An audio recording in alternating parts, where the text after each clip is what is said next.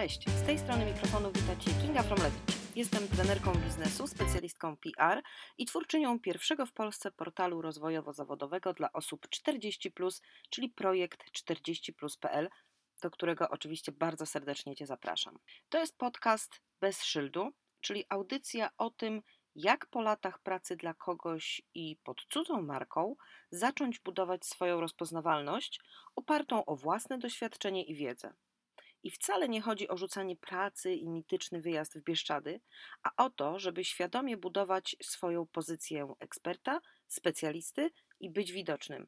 Bez względu na to, czy chcesz to robić wewnątrz firmy, w której pracujesz, czy w ramach własnej działalności. Bardzo się cieszę na dzisiejszy odcinek, bo kiedy zapowiedziałam go dwa tygodnie temu, dostałam od Was wiadomości, że to naprawdę świetny pomysł i jesteście ciekawi, co też takiego wymyślę. A mianowicie dzisiaj porozmawiamy sobie o tym, czy budowanie marki eksperta, marki osobistej jest w 2020 możliwe bez używania social media. Hmm?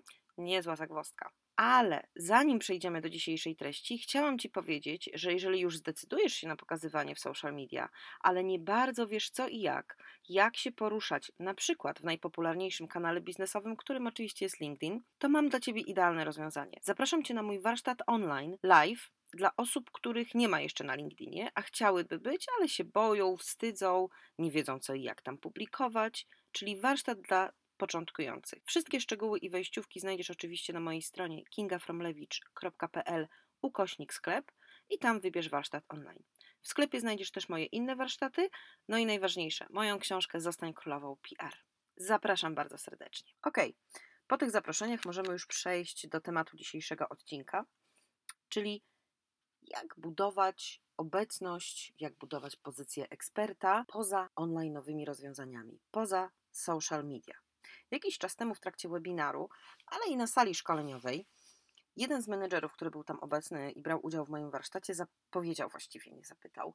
Wszystko fajnie, wszystkie te działania brandingowe, komentowanie i treści, wszystko to jest ok, układa się w jakąś tam logiczną całość, ale ja nie chcę. Nie mam czasu i chęci na to, żeby być w social media, po prostu. Ale zależy mi na tym, żeby ludzie kojarzyli mnie jako specjalistę z bardzo konkretnym doświadczeniem i z bardzo konkretną branżą. Z kolei od jednej z uczestniczek mojego webinaru usłyszałam, że okej, okay, online ale prawdziwe życie jest w offline. Ja jestem tam obecna codziennie i tam spotykam prawdziwych ludzi, mam szansę porozmawiać z nimi twarzą w twarz. I powiem Ci, że obie te rozmowy uświadomiły mi mm, jedną taką bardzo ważną rzecz. Może trochę oczywistą, ale bardzo jasno ona mi się wyklarowała po tych rozmowach, że rzeczywiście żyjemy w erze absolutnego zachłyśnięcia się online, social media i możliwościami, jakie kryją się za jednym klikiem. Po prostu piszemy coś szybko, 5 minut, klik i już. Mamy nawet bardzo promowane ostatnie zjawisko, narzędzie, sama trochę nie bardzo wiem jak to nazwać, czyli social selling. I w ramach żartu powiem Ci, że trochę się zdziwiłam, kiedy odkryłam, że wszyscy tak tutaj o, są podekscytowani, bo nie wiem jak Ty, ale ja na przykład od lat wolę do kogoś personalnie y, zagadać, zaczepić go, czy to na Facebooku, czy na LinkedInie, czy w jakimś innym kanale, czy podczas networkingu, niż wysyłać tak zwane cold maile. I w sumie myślałam, że to oczywiste, mm, dość oczywiste dla wszystkich, że trzeba personalizować bardzo mocno swój przekaz, trzeba uderzać do konkretnej, jakby rozmawiać o konkretnym temacie. No ale okej, okay, mamy zachwyt nad social sellingiem. Ja nie bardzo lubię i nie umiem sprzedawać, więc może ta tendencja do mocnej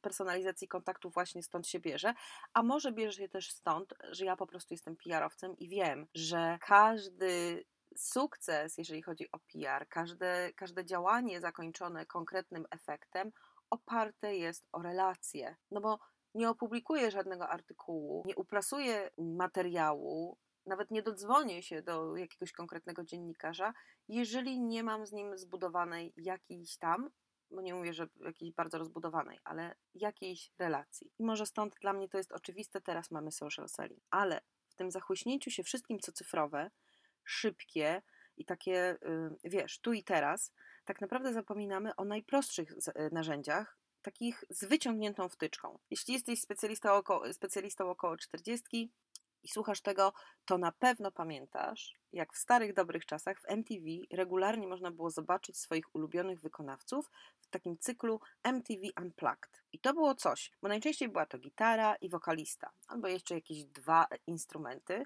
ale wszystko było unplugged, bez prądu. Żadnych fajerwerków, żadnej pięciokrotnej zmiany strojów, tak jak, nie wiem, na koncercie Beyoncé. Tylko muzyka, na której można było się skupić. I tak samo jest z budowaniem pozycji eksperta w XXI wieku, kiedy o tym tak głębiej pomyśleć. Niektórzy tak bardzo wchodzą we wszystkie aktualne mody czy trendy, że istnieje ryzyko, że przestają być słyszani, bo zwyczajnie cała ta otoczka ich zagłusza. I kiedy mówię otoczka, to myślę o tych wszystkich złotych radach typu o której godzinie można publikować, czy linki w komentarzu, czy w treści, a może trzy kropki zamiast jednej na koniec. I czasem tak bardzo się skupiamy na czymś, co wydaje się nam złotą radą, że zapominamy, po co to robimy. A pamiętasz przecież, że ja od początku w tym podcaście mówię o tym, że musisz mieć cel, musisz wiedzieć, dokąd macie zaprowadzić to całe budowanie wizerunku eksperta. Co ma ci to dać. Nie warto naprawdę skupiać się na przykład na takim elemencie tej całej otoczki, o której właśnie wspomniałam, który powiem szczerze, trochę mnie wywołuje u mnie uśmiech. O tak. Bo kiedy widzę, że ktoś pisze, powiem Ci, jak działać zgodnie z algorytmem Facebooka, LinkedIna, Instagrama i tak dalej, to po prostu się uśmiecham, bo o ile nie jesteś pracownikiem tych instytucji i nie pracujesz przy tym algorytmie, to po prostu nie wiesz, jak on działa. I jeżeli ktoś ci mówi, że rozgryzł algorytm i teraz podzieli się z tobą, to po prostu to nie jest prawda. To jest niemożliwe do zrobienia, bo to, że ktoś ma duże zasięgi, to wcale nie oznacza, że rozgryzł algorytm i wie, że należy publikować o 16, a nie o 14, ale oznacza to ni mniej, ni więcej, tylko i wyłącznie, że to działa u niego. I nie ma złotej rady, że skoro działa u niego, to zadziała też u mnie czy u ciebie. Taka jest prawda, że w social media wszystko odbywa się próbo, y, metodą prób i błędów. Ale my dzisiaj przecież nie o social media. To taka mała dygresja. W sumie też chciałabym być dobrze zrozumiana, bo sama przecież jestem aktywna w social media. Ale po pierwsze, to nie znaczy, że każdy musi tam być. I po drugie, że nasi odbiorcy są tylko w sieci. No właśnie, to co można zrobić unplugged, żeby być widzianym i rozpoznawalnym jako ekspert czy specjalista w danej dziedzinie. Tutaj taka mała podpowiedź, to jest ten moment, kiedy dobrze mieć pod ręką coś do notowania, jeżeli szukasz pomysłów na obecność offline. Numer jeden. Mój absolutny top. Konferencje. Branżowe, tematyczne, takie jakie Cię interesują i które mogą pomóc Ci zbudować swoją rozpoznawalność, zbudować kontakty. Ja lubię konferencje za to, że można tam spotkać naprawdę szeroki przekrój ludzi z totalnie różnych branż, bo nawet jeżeli jest konferencja z jakiegoś tematu, na jakiś temat, to i tak zwykle w tym temacie jest tak mnóstwo, nazwijmy to, departamentów, że można uzyskać świetną perspektywę od ludzi, którzy tam są. Mnie takie spotkania zawsze mocno inspirują i często mam takie momenty aha, podczas tych spotkań, które dotyczą tego, co mogę jeszcze zrobić albo co mogę zrobić inaczej. Konferencje polecam Ci też do pokazywania siebie jako ekspert ze sceny. Jeżeli tylko nie paraliżuje Cię strach na poziomie, dostał mikrofon do ręki i nie był w stanie wydusić z siebie słowa, to koniecznie rozważ ten sposób pokazywania się w offline. Na zachętę powiem Ci, że nie wiem, czy wiedziałeś, ale sam Winston Churchill został wyniesiony, dosłownie, ze swojej pierwszej przemowy w Izbie Gmin, bo zemdlał. Po prostu odcięło go totalnie, tak się zestresował. A jak wiemy, został jednym z większych mówców naszych czasów, więc skoro on mógł, to my też. Aby jednak pojawić się na, konferen na konferencji z prelekcją czy wykładem, nie wystarczy zamieścić informacji na swojej stronie www, że chętnie i proszę o kontakt. Tutaj musisz być aktywny, w sumie jak w całym procesie budowania marki eksperta musisz poświęcić trochę czasu i przygotować sobie listę wydarzeń, na których chciałbyś się pokazać i po prostu usiądź i dzwoń, kontaktuj się z organizatorami z pytaniem, czy nie są zainteresowani współpracą. Mała podpowiedź, bo u mnie to działa. Odzywaj się od razu nie z pytaniem, czy bylibyście zainteresowani współpracą w zakresie e, prelekcji o marketingu, tylko napisz od razu w tym mailu, czy jak będziesz dzwonił, to od razu powiedz, jaki masz pomysł na swoją prelekcję. To zdecydowanie ułatwia taki kontakt, ale też daje tym organizatorom e, pogląd na to, że ty po prostu wiesz, co chcesz powiedzieć. A to oczywiście jest, no, no jest bardzo ważne, kiedy się jest prelegentem. Drugi sposób, trochę w tym klimacie co pierwszy, czyli konferencję, zorganizuj spotkanie. Mhm, dobrze słyszałeś. Ty zorganizuj spotkanie i zaproś na nie gości. To nie musi być płatne, bo wbrew pozorom powiem Ci, że taka organizacja popołudniowego, dwu, trzygodzinnego merytorycznego spotkania połączonego z networkingiem wcale nie musi być droga i wcale nie musi wymagać od ciebie inwestycji innej poza czasem. Mnóstwo kawiarni udostępnia swoje przestrzenie w zamian e, za to, że twoi goście po prostu będą kupować to, co dana kawiarnia oferuje. Ja sama w ten sposób zorganizowałam wieczorek autorski po wydaniu książki. Kawiarni w centrum Warszawy, naprawdę ze świetną lokalizacją. Właściwie przejęliśmy tę niewielką przestrzeń, jaką ta kawiarnia dysponuje, bo pojawiło się ponad 20 osób. Tylko co ja zrobiłam? Ja nie zrobiłam spotkania pod tytułem Zobaczcie, jestem taka cudowna, bo wydałam książkę i chodźcie tutaj, będzie uścisk ręki możliwy do zdobycia. Bo umówmy się, ja nie wydałam fabuły, która mówi o bardzo poważnych sprawach i trzeba skomentować, co też autor miał na myśli i prowadzić jakieś filozoficzne dysputy. Ja wydałam poradnik i chciałam być kojarzona oczywiście z obszarem którego dotykał ten poradnik, ale chciałam też dać merytoryczną, merytoryczny wkład moim gościom, jakąś wartość gościom za to, że przyjdą na moje spotkanie. Oczywiście ja podczas spotkania sprzedawałam książki, można było sobie zrobić ze mną zdjęcie, bo okazało się, że wiele osób chciało. Dostałam kwiaty, było bardzo, bardzo miło. Ale to wszystko było możliwe dlatego, że ja na to spotkanie zaprosiłam gościa specjalnego. Spotkanie zorganizowałam pod hasłem Porozmawiajmy o tym, jakie są plusy i minusy wydawania książek w dwóch modelach, czyli z wydawcą, tak jak ja to zrobiłam, i samodzielnie w modelu self-publishing i o tym opowiadał mój gość specjalny, czyli Kasia z 27 pikseli. I muszę powiedzieć Ci, że taka formuła doskonale się sprawdziła w tym przypadku, miałam, jakby osiągnęłam trzy cele. Sprzedałam książkę, budowałam, pokazywałam siebie jako ekspertkę. Nie od wydawania książek, ale ekspertkę od budowania wizerunku za pośrednictwem wydania książki i trzecim celem, jaki osiągnęłam, było to, że stworzyłam bardzo fajną przestrzeń do wymiany doświadczeń i do networkingu, który mocno się dział po części, nazwijmy to, oficjalnej. Trzeci sposób na budowanie swojej pozycji eksperckiej bez wykorzystania social media też jest o mediach, czyli nawiąż współpracę z mediami. Tak, z tradycyjnymi mediami, o których się już od dekady mówi o tym, że się kończą, nikt nie będzie ich czytał, bo wiadomo, bo internet, bo social media, bla, bla, bla, gazety mają się dobrze. I tutaj bez względu na to, bo czasem słyszę takie uzasadnienie, że ja nie mogę zacząć działać z mediami, bo mieszkam w małym mieście.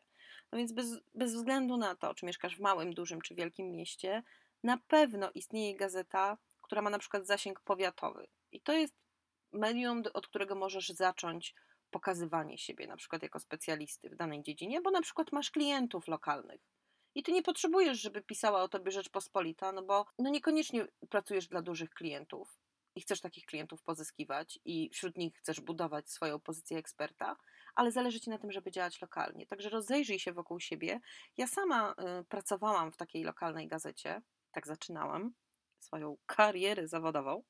I wiem, jak fajnie dla dziennikarza jest, kiedy dostaje informację o tym, że oto na rynku pojawiła się nowa grająca głowa. Uwierz mi, dziennikarze bardzo lubią świeżych ekspertów, tak to nazwijmy, no bo ileż można cytować ciągle te same osoby. Ja polecam bardzo ten sposób.